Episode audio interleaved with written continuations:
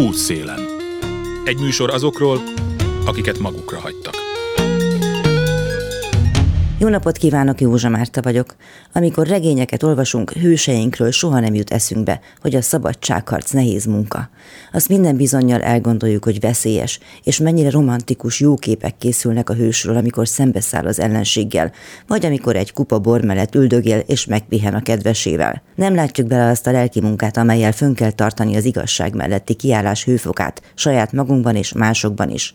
Amikor húsz órákat kell talpon lenni egy nap, amikor meg kell vívni a kételyekből adódó lelki csatát, keresni a választ a kérdésre, hogy biztosan igazam van-e. Képzeljenek egy srácot, aki tini korától azzal foglalkozott, hogy önbizalmat és méltóságot adjon a népének aki sokakkal ellentétben egységben tudta kezelni a magyarok és a romák gondjait, és aki remekül tudott érvelni amellett, hogy ő valójában a magyarok szabadságáért, vagy legalábbis azért is küzd, egymás nélkül ez nem megy aki heteket, hónapokat töltött tárgyalásokon ülve, hogy meggyőzzön egy, egy önkormányzatot vagy egy bíróságot arról, hogy ne kényszerítse gettókba a romákat, vagy hogy ne lakoltassa ki őket.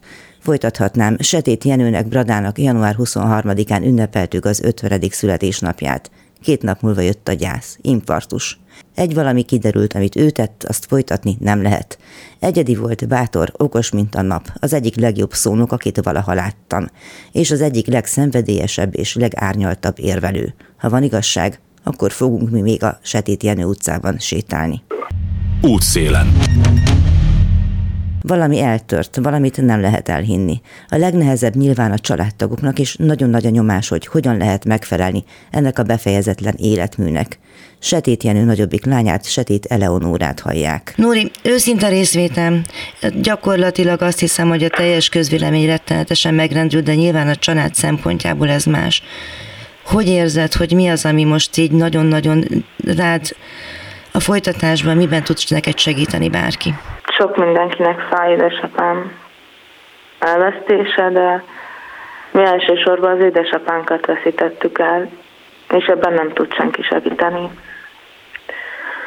A folytatásról még korai beszélni úgy gondolom, mert ő nem csak a családjászol, hanem gyászol az ő egyesülete, a Budapest, a vidékiek, talán az egész ország, és azon is túl. Nem lehet még a folytatásról beszélni. Az én édesapámat három nappal ezelőtt simogattam meg utoljára. Nincs hova még tervezni. Az ő ideje van, az ő emlékének ideje van itt. Én így gondolom. Valamit meg tudsz-e fogalmazni abból, hogy milyen édesapa volt, vagy mi az, amit a leginkább tanultál tőle, vagy nem is tudom, nincsenek ilyenkor jó kérdések, de nyilván van egy-két szavad arról, hogy hogyan emlékezel rá. Az édesapánktól olyan dolgokat kaptunk, amit azt hiszem kevés gyerek kap a szüleitől, olyan értékeket az életre felkészítve, hogy ezekben a helyzetekben is hely tudjunk állni, amit egész kislánykorunk óta tanított nekünk. Nem tudom, hogy hogyan lehet valaki ettől jobb apa fogalmam nincs róla. Nem csak nekünk áldozta az életét, hanem egy egész világnak. És részben értünk, hogy mi majd egy jobb világban ülessünk fel, tényleg nem tudom, hogy egy apa ennél többet hogyan tehet. Neked milyenek az ambícióid, hogyan szeretnéd az életedet élni? Mi az, amiben hasonló életet élni, mint Jenő? Semmiben senki sehogyan nem tud olyan lenni, mint ő, vagy hasonlítani rá. Még én sem, aki a vér szerinti vére vagyok, a lánya, de minden, hát minden pillanatban az életem során, amíg még itt vagyok és nem vele, azon leszek, hogy méltó legyen minden pillanat az életemre nézve, és tudom, hogy mi az, amiket szeretett volna, és elvárt volna tőlem, és mi, én és a hugom is ezt teljesíteni fogjuk.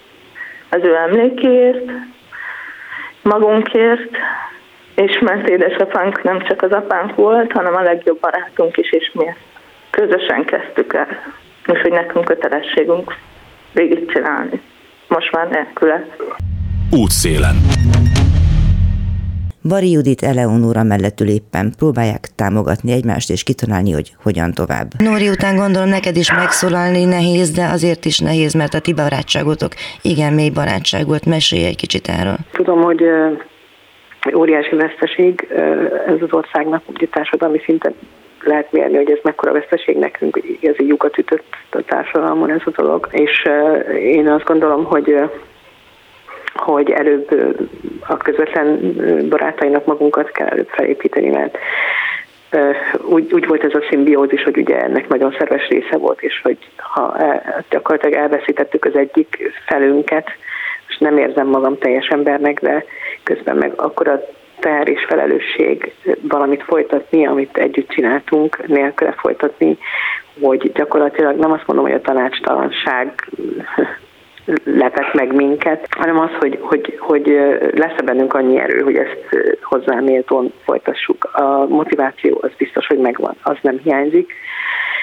Az az érzelmi töltet, amivel ő hozzá tudott nyúlni a munkához, az, azt nem tudom, azt össze kell adni a mi saját érzelmeinket, hogy ezt így ki tudjuk pótolni. Viszont rendkívül fontos, hogy én nem hiszem, hogy van, annyi, van olyan ember most a magyar társadalomban, a roma közösségben, aki, aki gyakorlatilag ezt a fajta összeborulást, amit ő, amit ő meg tudott teremteni, utána tudná csinálni. És én nekem nagyon fáj, amikor valakik azt keresik, hogy akkor ki fogja folytatni a munkáját, mint hogyha ez munka lett volna. Én ezt le is írtam, mert egyszerűen fájdalmat okozott, amikor azt láttam, hogy épp, hogy felfogjuk, hogy mi történik, hogy mindenki azt kérdezi, hogy ki fogja folytatni a munkáját. Hát ez nem munka volt, ez, ez az ő élete volt, és látjuk, hogy a halála is ez volt.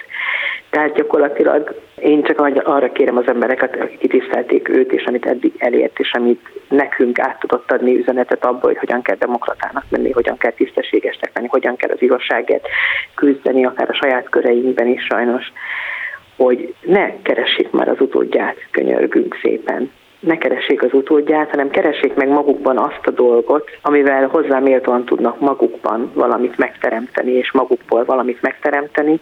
Nem lehet beállni a helyére, se egyesületi szinten, se főleg emberként nem lehet beállni valakinek a helyére. Mindenki teremtse meg a maga saját tudásából, erejéből, motivációjából azt a pozitív dolgot, azt a hozadékot, amit, amire a társadalmunknak szüksége van. Tehát Setét Jenőből egy volt.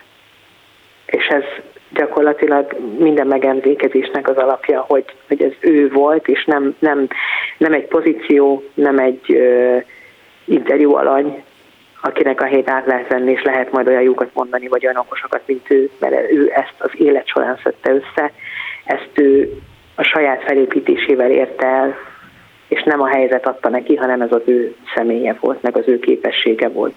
És ha ezt nem értik meg azok, akik most az utódját keresik, akkor nem értették meg, hogy mit veszítettünk el. Én csak ezt tudom mondani, és én most személyesen nagyon nagy felelősséget érzek, mert én, én voltam gyakorlatilag a, lát, gyakorlatilag a láthatatlan keze. És most az, hogy hirtelen láthatóvá kell váljak, ez nekem az egyik legnagyobb fájdalmam, mert ilyen áron nem akarok látható lenni, de meg akarom csinálni azt, amit itt hagyott, hogy ez tisztességesen folytatódhasson. Az utolsó szavai hozzám, amikor egy pár napja telefonon beszéltünk, azt mondta nekem, és most örülök, hogy ezt sokan meghallják, hogy csak benned bízom. És ezt soha nem fogom elfelejteni. Ezt mondta nekem, csak benned bízom. Útszélen. Berki Judit szociális munkás Nógrádban. Egyik azoknak, akik mindig tudtak Setét Jenőre támaszkodni. Milyen volt a te kapcsolatod Jenővel, mióta ismered? Elvégre ez egy egészen, egészen, hát hogy mondjam, szűk kör. Mindenki mindenkit ismer, de azért nyilván mindenkinek van arról története, hogy mit jelentett neki a Jenő. Olyan nehéz beszélnem, mert még tényleg nem tudom elhinni, hogy nincs közöttünk. Én 65 éves vagyok, és Jenőt körülbelül egy, hát szerintem 30, 30 éve biztosan ismerem, még nagyon fiatal volt, és a Ne Felejts utcában találkoztunk először, ahol akkor még Valadárik a Roma Polgárjogi Alapítványnak volt egy irodája, ott találkoztam Jenővel először, Ugye rengeteg év telt el azóta, és a kapcsolatunk mindig, mindig megmaradt. Én nem Budapesten élek, tehát ebből adódóan nem tudtunk minden nap találkozni, de sok-sok olyan közös munka volt, ami minket összekötött amiről beszéltünk, amiben véleményt cseréltünk, amiben közösen gondolkodtunk, vagy közösen szerveztük meg, ami a mi szervezetünkkel, a Nógrád megyei szigány kisebbségi képviselőkkel, szószólók szövetségével közösen, illetve az ide tartozunk egyesülettel, vagy még a hozzánk csatlakozó egyéb más civil szervezetekkel. És most éppen azon gondolkodom, hogy, hogy annyira tragikusan érintett a hír, amikor megtudtam, hogy, hogy elment, ilyen hirtelen tragikusan, hogy előtte valónak köszöntöttem. És arra gondoltam, hogy remélem már vége lesz ennek a járvány időszaknak, és újra készülhetünk együtt a Roma Büszkeség napjára hogy arra gondoltam, hogy újra dolgozhatunk azért, hogy, hogy felkészítsünk olyan fiatalokat, akik a roma közéletben tudnak szerepet vállalni és egy csomó ilyen, ilyen gondolat jött föl bennem, hogy olyan jó lesz már újra egy csomó dolgot együtt, együtt csinálni, együtt gondolkodni, együtt leülni egy asztalhoz, nem onlineba, vagy éppen nem telefonon találkozni. Mindig tudtam, hogy, hogy nem egészséges teljesen, és mindig óvtuk is szerintem, hogy hogy vigyázz magadra, ne hagyj magadtól. Ez az embernek ez a védekező mechanizmusa mindig, mindig megjelent, hogyha láttam, hogy két végéről is égette sokszor a gyertyát, és erőn felül dolgozott valamennyiünkért. Azért olyan rossz róla beszélnünk, mert, beszélnünk, mert hogy tényleg úgy érzem, hogy valamennyiünkért dolgozott.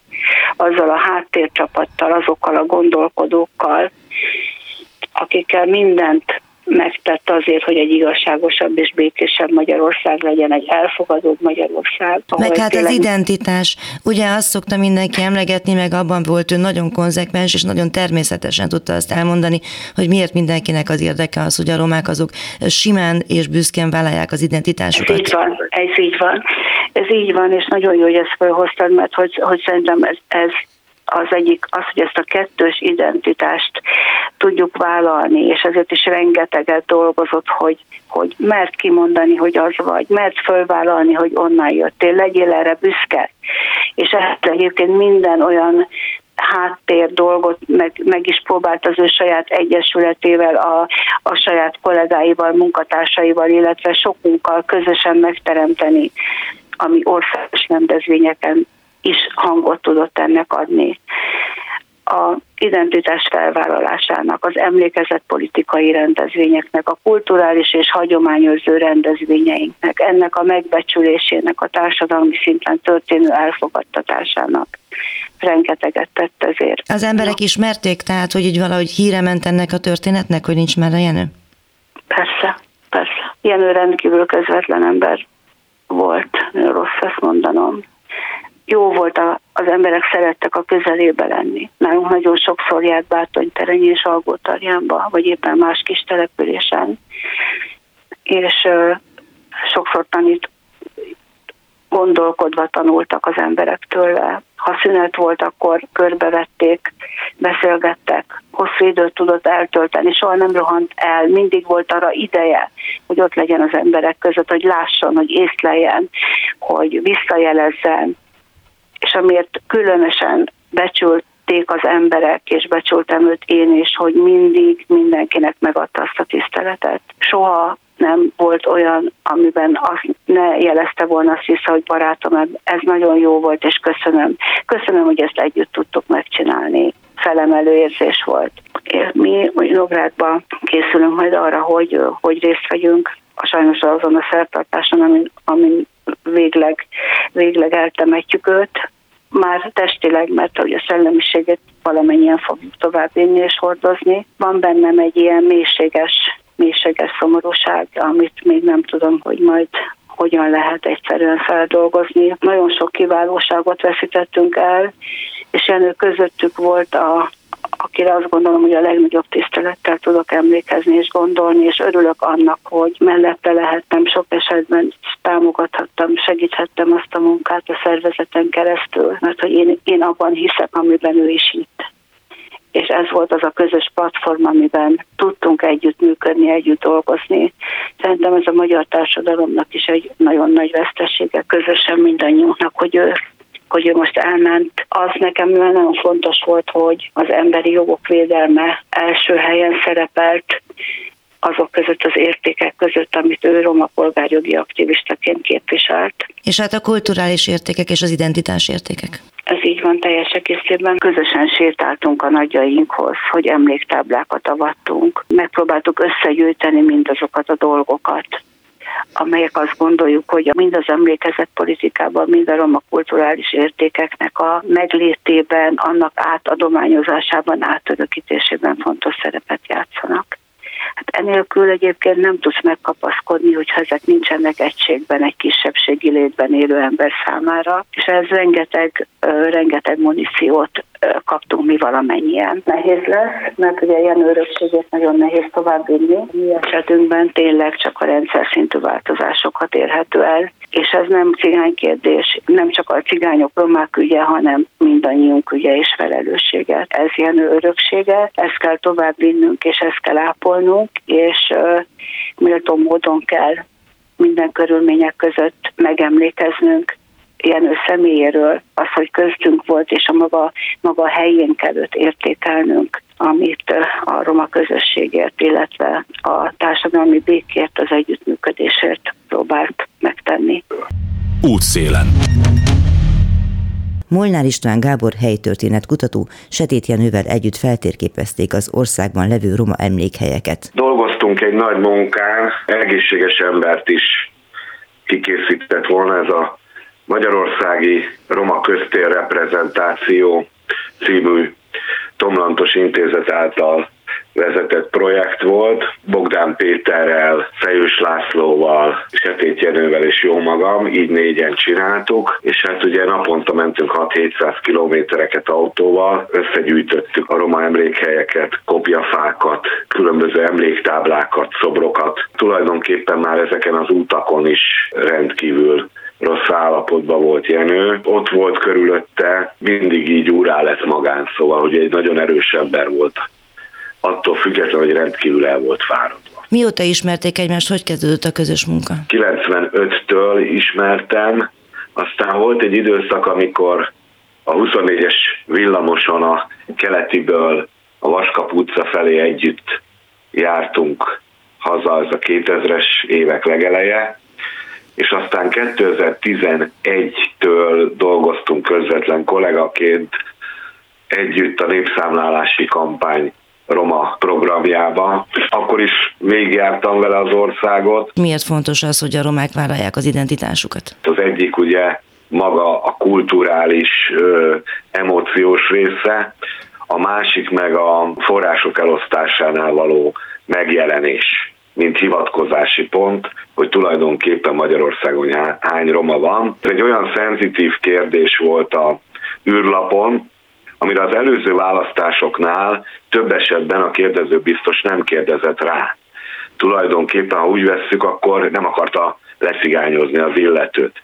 És nemes egyszerűséggel ezt a kérdést nagyon sok helyen kihagyták. A másik a, a félelem a népcsoportba, az önvállalás, és hogy ezek mentén létrejött egy kampány, az akkori OSI finanszírozásával egy országos kampány, járjuk végig a romák lakta településeket, és beszéljük rá őket a, az identitásvállalásra. Ez a 2001-es népszámlálás, népszámlálási adatokat közel 100 ezer fővel nyomta meg. Szóval egy rendkívül jól sikerült kampány volt, a címe az volt, hogy ide tartozunk, és ebből lett aztán az az egyesület, amit ő haláláig vezetett. Voltak-e olyan emberek, akiket meg tudott arról győzni, hogy mennyire fontos ez a dolog? Bárhova mentünk az országba, a legkisebb zsáktelepülésektől a, a nagy megyeszékhelyekig, mindenhol felismerték. Országosan ismert, és elismert gondolkodó volt, független gondolkodó, ebből nagyon kevés van. Ő a magyarországi cigányságnak talán a, a, az elmúlt 10-15 évben biztos, hogy a legnagyobb alakja volt. Ebben az utolsó közös munkájukban, amiket végeztek a roma köztéri reprezentációnak a felmérése, ugye ez nagyon sokaknak többek között Csetét Jenőnek is problémája volt, hogy hát alig van, ugye mindig, amit említeni szoktak, az Puci Bélának az emléktáblája, amit ő járt ki, hogy a nyugati pályaudvar oldalán elhelyezzék. Ő az az ember, aki Erdélyből került ide, és méltatlan körülmények között halt meg végül is jól lehet szabadságharcos volt, és kiállt a Marosvásárhelyen a románok által ütlegelt magyarok mellett, a ne féljetek, magyarok megjöttek a cigányok jelszót, csak azért említem, mert ezt valószínűleg ismerik a hallgatók, no de hogy ezen kívül gyakorlatilag nem tudom én egy-két cinkapanna szobor vagy bármi egyéb van, de hogy az országot így körbejárva, hogy látja, hogy mennyire vannak, mennyire léteznek ezek a dolgok, és mennyire tudnak róla az emberek. Mondjuk még a Roma Porrajmosznak vannak talán művei. Lesújtó a kép, több mint 40 ezer magyarországi köztéri alkotás közül 158 roma tematikájú szobor, kopjafa, emléktábla van. Jó pár meg is szűnt az évek alatt, ilyen például Horváth Pista előadó művésznek a emléktáblája, ami jelenleg tatarozás miatt nincs, nincs kirakva a Tisza Keszin. Számos olyan eset van, ahol megrongálódott emlék,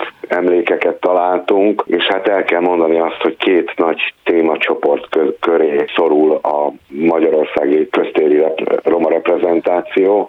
Az egyik a roma holokauszt, a másik pedig a muzsikus emlékművek. Az is megdöbbentette, hogy az íróknak, festőknek, közéleti embereknek, akik ott a településen sokat tettek a közösségükért, azok nagyon-nagyon kevés számban vannak. És maga a kutatásnak a jövőbeni célja az az volt, hogy végigjárjuk a roma közösségeket, odaadjuk nekik ezt a tanulmánykötetet, ami tegnap jelent meg, a Roma Köztéri Reprezentáció címen, amiben egy nagyon érdekes tanulmány van, 70 oldal és egy közel 200 oldal két melléklet, és hogy ezeket tudjuk generálni a köztéri emlékeket. Látta azt, hogy a többség uralja a közteret, ha nem Bihari Jánosról, vagy Dankó Pistáról, vagy Tutor Béláról van szó. Azt mondja, hogy tegnap jelent meg a könyv, akkor azt jelenti, hogy már nem is látta a könyvet? Nem, két nappal a halála után jelent meg. Nagyon várta, nagyon büszke volt, hogy nem csak a kollégáira, nem csak a nagy munkára, hanem arra, hogy ki lesz írva a neve. Könnyűen nagyon sokat viccelődött ezzel, ezt nem, nem érte meg, hogy ma megjelenést. Setét Jenőről beszélgetünk a mai műsorban, a második részben Kadéternő újságírót és Horváth Aladárt hallják. A pályakezdésről és a fontosabb munkákról lesz szó. A hírek után útszélen. Setét Jenőre, ahogy a barátai hívták, Bradára emlékezünk ma. Kadéternő újságíró pályája párhuzamosan kezdődött a polgárjogi aktivistáival. Hol kettéváló, hol egymásra találó életutak ezek. 90-es évek közepe tájékán Hát nem tudom, nagyképűen fogalmazok, hogy megjelentem a roma mozgalom, ez talán túl nagyképűen, akkor egyetemista voltam még, és akkor itt a, egyfelül a Zsigó Jenők féle romanokerhez csatlakoztam, mint egyetemista, másfelől pedig engem mindig is érdekelt már akkor is az újságírás, és ezért a Roma Sajtóközpont környékén landoltam, ami akkoriban szorosan együtt dolgozott, és egy helyen is volt a Roma Polgárjogi Alapítványjal, amiben pedig a Jenő volt az egyik vezető alak már akkor is, tehát én azt tudom mondani, hogy legalább 26-27 éve ismertem a Jenőt, ismerem a Jenőt, nagyon nehéz ezt egyáltalán múlt időben beszélni róla. A 90-es években nem is találkoztunk olyan nagyon sokat,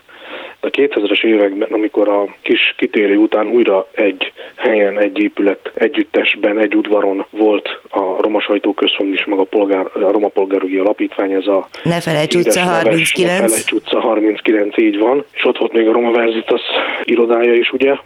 Szóval azokban a, hát nem tudom, békeidőkben, ezt nehéz ezt mondani, mert akkor voltak a legnagyobb küzdelmeink is egyébként, de legalábbis a, ennek a fajta roma képviseletnek, ennek a fajta roma aktivitásnak, jogvédelemnek az aranykorszaka volt ez szerintem. A 90-es évek második felétől mondjuk a 2000-es évek végéig, közepe végéig.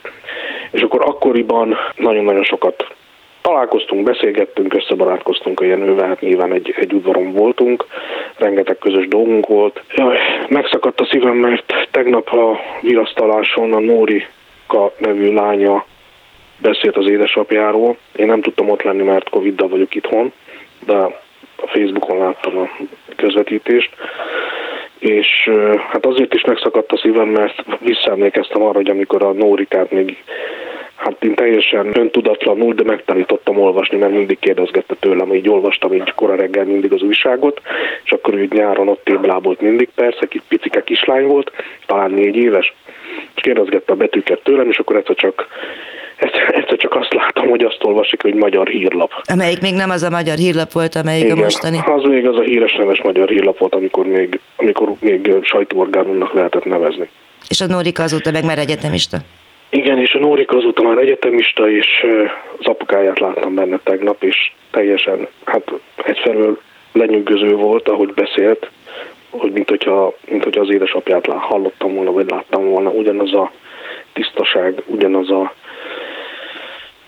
büszkeség, tartás nagyon-nagyon megrendítő volt. Nagyon nehéz ezt, ezt most így józanul, meg nem tudom teljesen így, így hogy is mondjam, csak így nagyon távoló szemlélni, mert nem tudjuk távoló szemlélni, mert itt van velünk ez az egész dolog. Tehát egy mai napig egyébként annyira igazodási pont volt mindannyiunknak a Jenő, hogy nagyon sokszor látok, olvasok cikket, és így valahogy önként is eszembe jut, hogy akkor Jenőhez mit szólna. Hát meg általában azért mindenhez szokott valamit szólni, és gyakorlatilag teljesen aktív volt minden olyan kérdésben, ahol voltak éppen ilyen véleménynyilvánító vagy véleményformáló emberre volt szükség. Amikor ott meghalt, és végignéztem az összes lapot, újságot, és akkor hát keserűen tapasztaltam, hogy vannak olyan orgánumok, amelyek nem számoltak be egy ilyen embernek a haláláról, aki azt gondol, hogy Magyarországon a, nem a romák között, az egész magyar közéletnek az egyik legfontosabb figurája volt.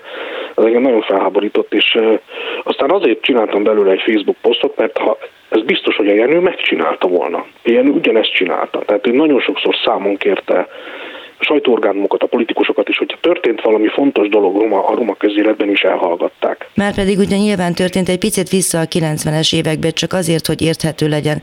Tehát a 90-es évek közepén alakult néhány olyan dolog, a Roma Sajtóközpont, és például a Roma Polgárjogi Mozgalomnak az eredetét is onnan tudjuk elindítani, vagy megismerni, de ez a kettő, tehát a Roma Polgárjogi Alapítvány és a Roma Sajtóközpont igazából kiszolgálta egymást.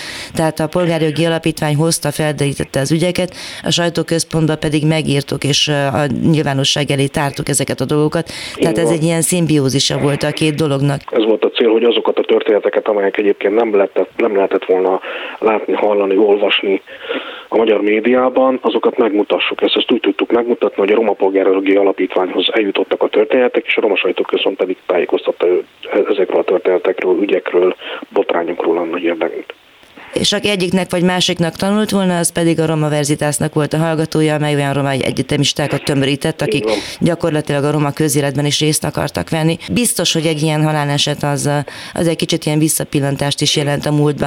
Hogy hogy látod, hogy az akkori optimizmusunk az mennyire igazolódott be, hol voltak azok a töréspontok, ami miatt hát nem spoilerezek, de hát azért annyira nem sikeres a dolog. Sokszor gondolkodtam én ezen, mert eh, egyfelől azt gondolom, hogy a 90-es évek és még mondom a 2000-es évek közepéig mindenképpen ez egy, ennek az egész ügynek a kegyelmi időszaka volt, hiszen volt egy nagyon erős optimizmus bennünk. Nyilván az is, hogy Európai Uniós csatlakozás kapcsán a magyar állam kicsit másképp állt a roma ügyhöz is. Ugye akkor még a demokrácia fiatal volt, és elhittük és bíztunk abban, mint ahogy egyébként az összes magyar ember, az egész magyar társadalom is bízott abban, hogy majd jobb lesz az országnak. És bizonyos esetekben persze jobb is lett. Én nem mondom, hogy a 90-es évek az egy nagyon-nagyon gazdag korszak volt. Persze nyilván sok, sok mindenben jobb lett, de mondjuk történetesen a, a szegény embereknek, a kirekesztettségben élő embereknek, a romáknak nem lett jobb a helyzetük. És hogy ez miért van, ez nyilván egy nagyon összetett dolog. Éppen a Jenő volt az, aki folyamatosan visszautalt erre, és rávilágított arra, hogy igazából azért nincsen, mert hogy a, ez a fajta egyenlőség politikája, amelyet ő következetesen képviselt, hát nem tudom, tínédzser korától, az nem valósult meg, nem tette magáévá a politikai elit, nem akkor sem volt igazán fontos, és most sem igazán fontos az, hogy azok a társadalmi rétegek, akik nem tudják magukat kellő mértékben képviselni, akik nem tudják az érdekeiket olyan módon artikulálni, mint a, mint a, a többi társadalmi réteg, hogy azokat nem szabad hagyni, lemaradni, meg e, lehagyni csak azért, mert nekik nincsen politikai képviseletük. Ez nem értette meg a politika mai napig sem érti meg, és ennek szerintem nem csak ezek a kirekesztett népcsoportok, hanem az egész Magyarország látja a kárát. Egyszerűen tényleg közgazdaságilag kimutatható, hogy, hogy van egy olyan réteg Magyarországon, akik potenciálisan a szekeret tolnák, és nagyon erősen tudnák tolni, de egyszerűen pont a, a társadalmi kirekesztés miatt erre most nem képesek. Hát igen, amikor legutóbb beszélgettem ebben a műsorban Jenővel, akkor körülbelül azt mondta, hogy megírták a roma társadalmi minimumnak az egyes pontjait, és elküldték őket, a, mármint az ide tartozunk egyesülettel együtt elküldték őket a pártoknak, és hát, hogy, hogy mondjam, nem kényeztették el őket a válaszokkal a pártok, tehát nem úgy látszik, hogy ebben a helyzetben és a beleépül majd a roma minimum a pártoknak a politikájába és a mindennapjaiba, úgyhogy lesz még itt, amit csenekedni. Így van, így van, és hát igazából a Jenő meg én azt gondolom, tehát én tényleg kihangsúlyozom, hogy ő nem, nem, a, nem a romáknak volt egy nagyon fontos alakja, a magyar köz, közéletnek, a magyar társadalomnak volt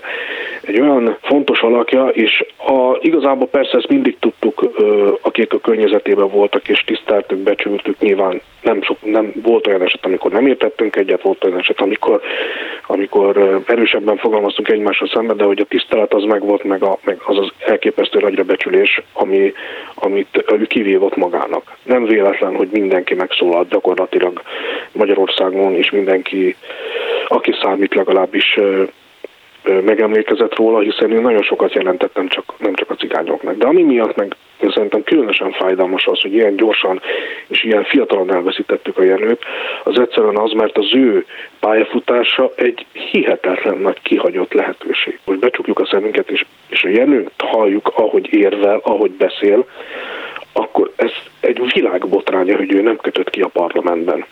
Világbotránya.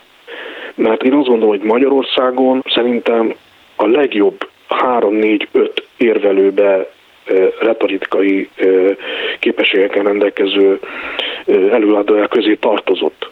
Tehát én azt gondolom, hogy minden egyes politikai pártnak a leges-leges legnagyobb erőssége lehetett volna úgy érvelni, úgy vitázni, szerintem nagyon-nagyon kevesen tudtak egész Magyarországon. Vagy ahogy amikor kiállt az emberek elé beszélni, a legnagyobb politikusok is szövegből, hát meg kell nézni a különböző, nem akarok neveket mondani, politikusokat, hogy leírott szövegből próbálnak olvasni, és nem tudom hatni a nézőkre, meg a hallgatókra.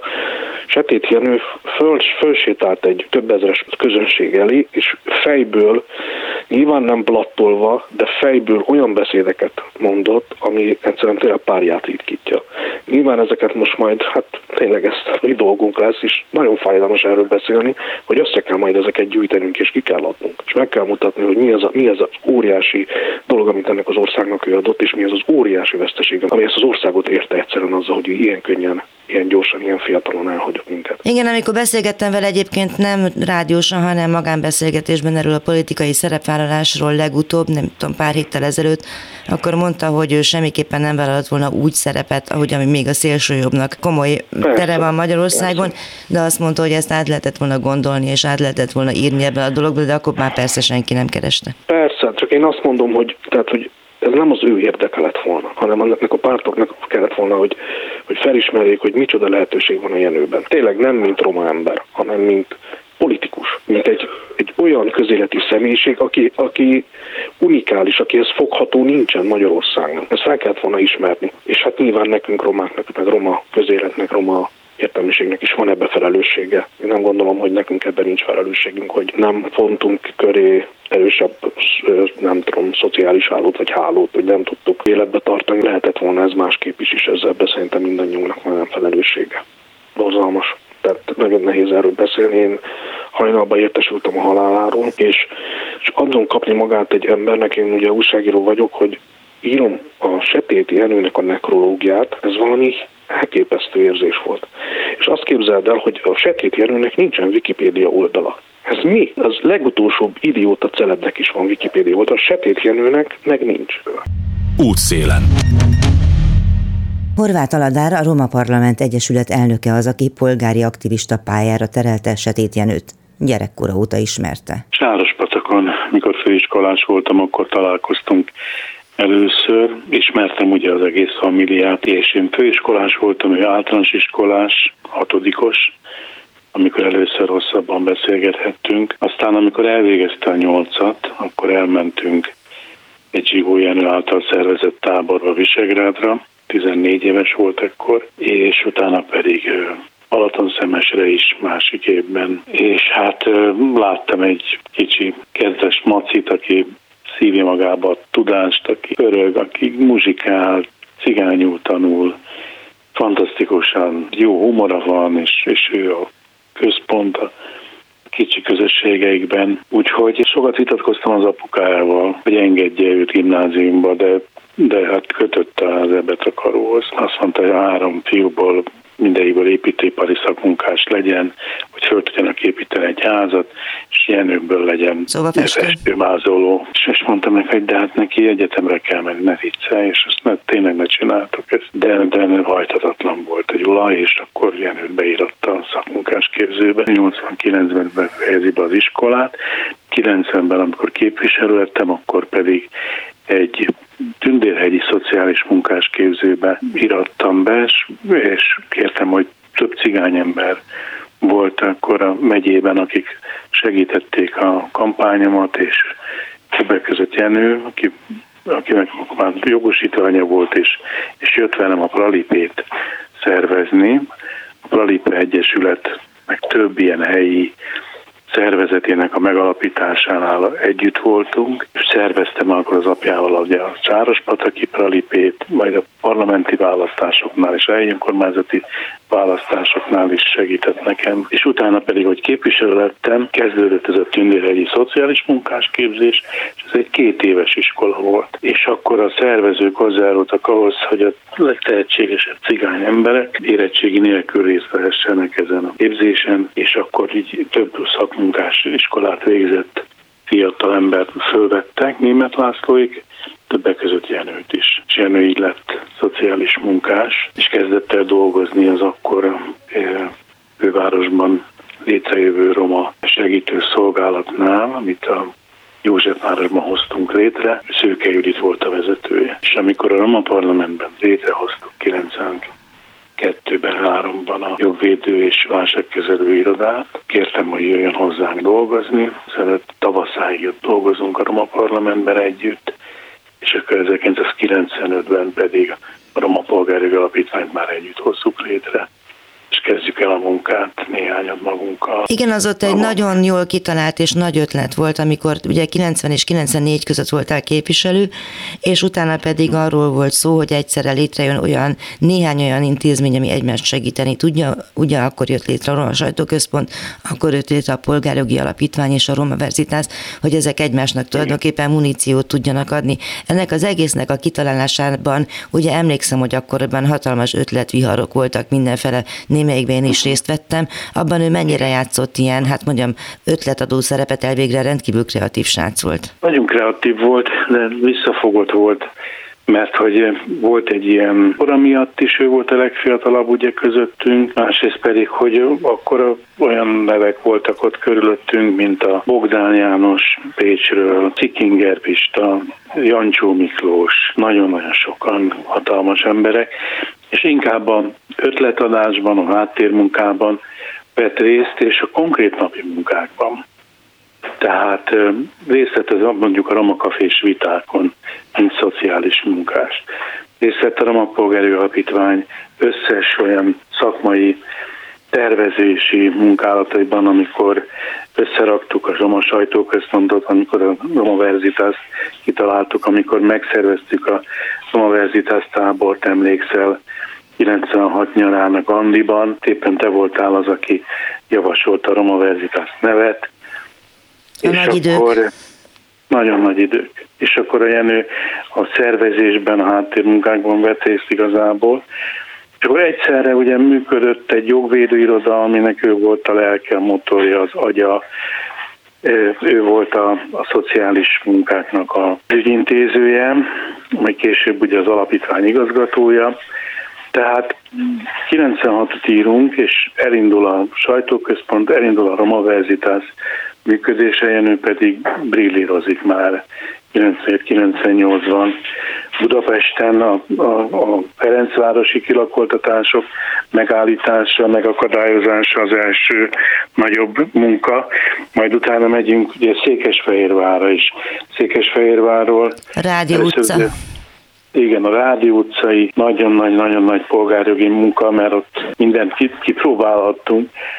Ugye az elején elmondtuk azt, hogy, hogy ez egy, egy, szimpla lakás politikai kérdés, és hogy ugyanolyan egyszerű, olcsó megoldást kínálnak a cigány családoknak, mint a, és ezt Jenő elmondta a testületülésen, mint a nem cigány családoknak, és aztán két és fél évig ott volt, minden ülésen, tüntetéseket szerveztünk, még a végül oda jutottunk, hogy az első ülésen elmondott szakmai alapelvet érvényesítettük, és nem lett gettó, nem lett konténergettó, nem lett kilakoltatás a környező falvakba, hanem az lett, amit Jenővel, Ladányival, másokkal közösen képviseltünk, hogy ott kell maradni a cigány szegényeknek is a városban, egyszerű, könnyen föntartható bérlakásban Hosszan lehetne beszélni, tudom, mert Mármint Ladányi János szociológust említette, csak a rendkedvéért hozzáteszem, hogy tudják a hallgatók.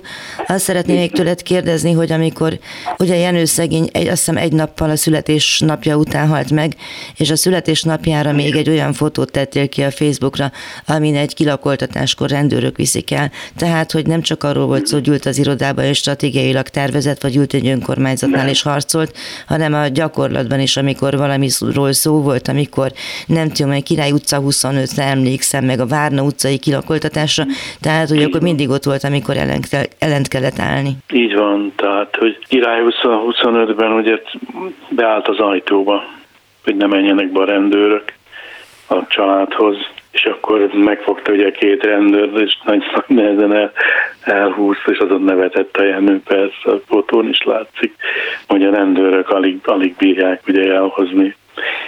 De hát nem mutatott fel, nem mutattunk se erőszakot, ugye élő láncot alkottunk, és úgy vittek el minket a Garai utca 5-ből is, ugye, amikor 2001 novemberben minden egyes ügyfelünket ismert, mindenkinek a családját ismerte, mindenkiről pontos adatai és tudása volt, és nem csak a lakásügyet kezelt akkor, hanem, a, hanem az iskolai dolgokat, a segély problémákat, ha volt, a lelkeket is kezelte, és, és, és lelki támogatást, támaszt nyújtotta az ügyfeleknek. Szóval, hogy ő egy, egy a legnagyobbakhoz hasonlítható cigányember volt. Meg a másik probléma az, hogy egy személyes intézmény volt, tehát hogy így azt látom, hogy mindenki, aki megemlékszik róla, vagy írja, hogy hát úristen, most mi lesz ezek után, gyakorlatilag ez azt is jelenti, hogy azt a fajta munkát, amit ő végzett, az rá volt szabva, ő találta ki magának. Ugye az ide tartozunk egyesület, és megpróbálja elérni azt, hogy a roma reprezentáció és a roma minimumok bekerüljenek valahogy a mainstream politikába és gondolkodásba, viszont nem nagyon tudjuk, hogy vannak olyan emberek, akiket mondjuk ő kinevelt volna, vagy akik át tudják venni ezt a szerepet nem is, nem is azok, akiket kinevelt, hanem akik velem együtt vagy mellette nőttek föl. Tehát a Bari Juci például zseniális az Egyesületen belül. Picit, picit nyomdokaiba léphet, de nagyon messze van még tőle a Dolá Józsi Pöli. Más nem nagyon lehet persze említeni. Nem vagyunk eh, elevezte nagyon öntudatos és harcos polgárjogi aktivistákkal de hát reménykedjünk abban, hogy a igazi ereje az, az most fog megnyilvánulni, és abban, hogy rendkívül sok követője lesz, és, és a hiány az fölerősíti az emberekben azt a, azt a e, hatást, hogy, hogy, hogy van mihez és van kihez igazítani a saját értékrendünket, tudásunkat, az elvárásainkat, önmagunkkal szembeni elvárásainkat, igényességünket is. A műsorban Setét Jenő pályaképét próbáltuk felrajzolni. A nemrég elhunyt polgárjogi aktivista lánya Setét Eleonóra mellett megszólalt az egyik legközvetlenebb munkatársa Bari Judit, Berki Judit szociális munkás, szociálpolitikus, Molnár István Gábor helytörténész, majd a második részben Kadéternő újságírót és Horváth Aladárt, a Roma Parlament Egyesület elnökét hallották. Valamennyiünk gondolatait köszönöm. A műsort meghallgathatják a www.clubradio.hu oldalon az archívumban és a podcast felületeinken is. Az adás elkészítésében Budai Márton technikus volt a segítségemre, köszönöm. Tartsanak velem a jövő héten is, Józsa Mártát hallották. Önök az útszélen adását hallották a Klubrádióban.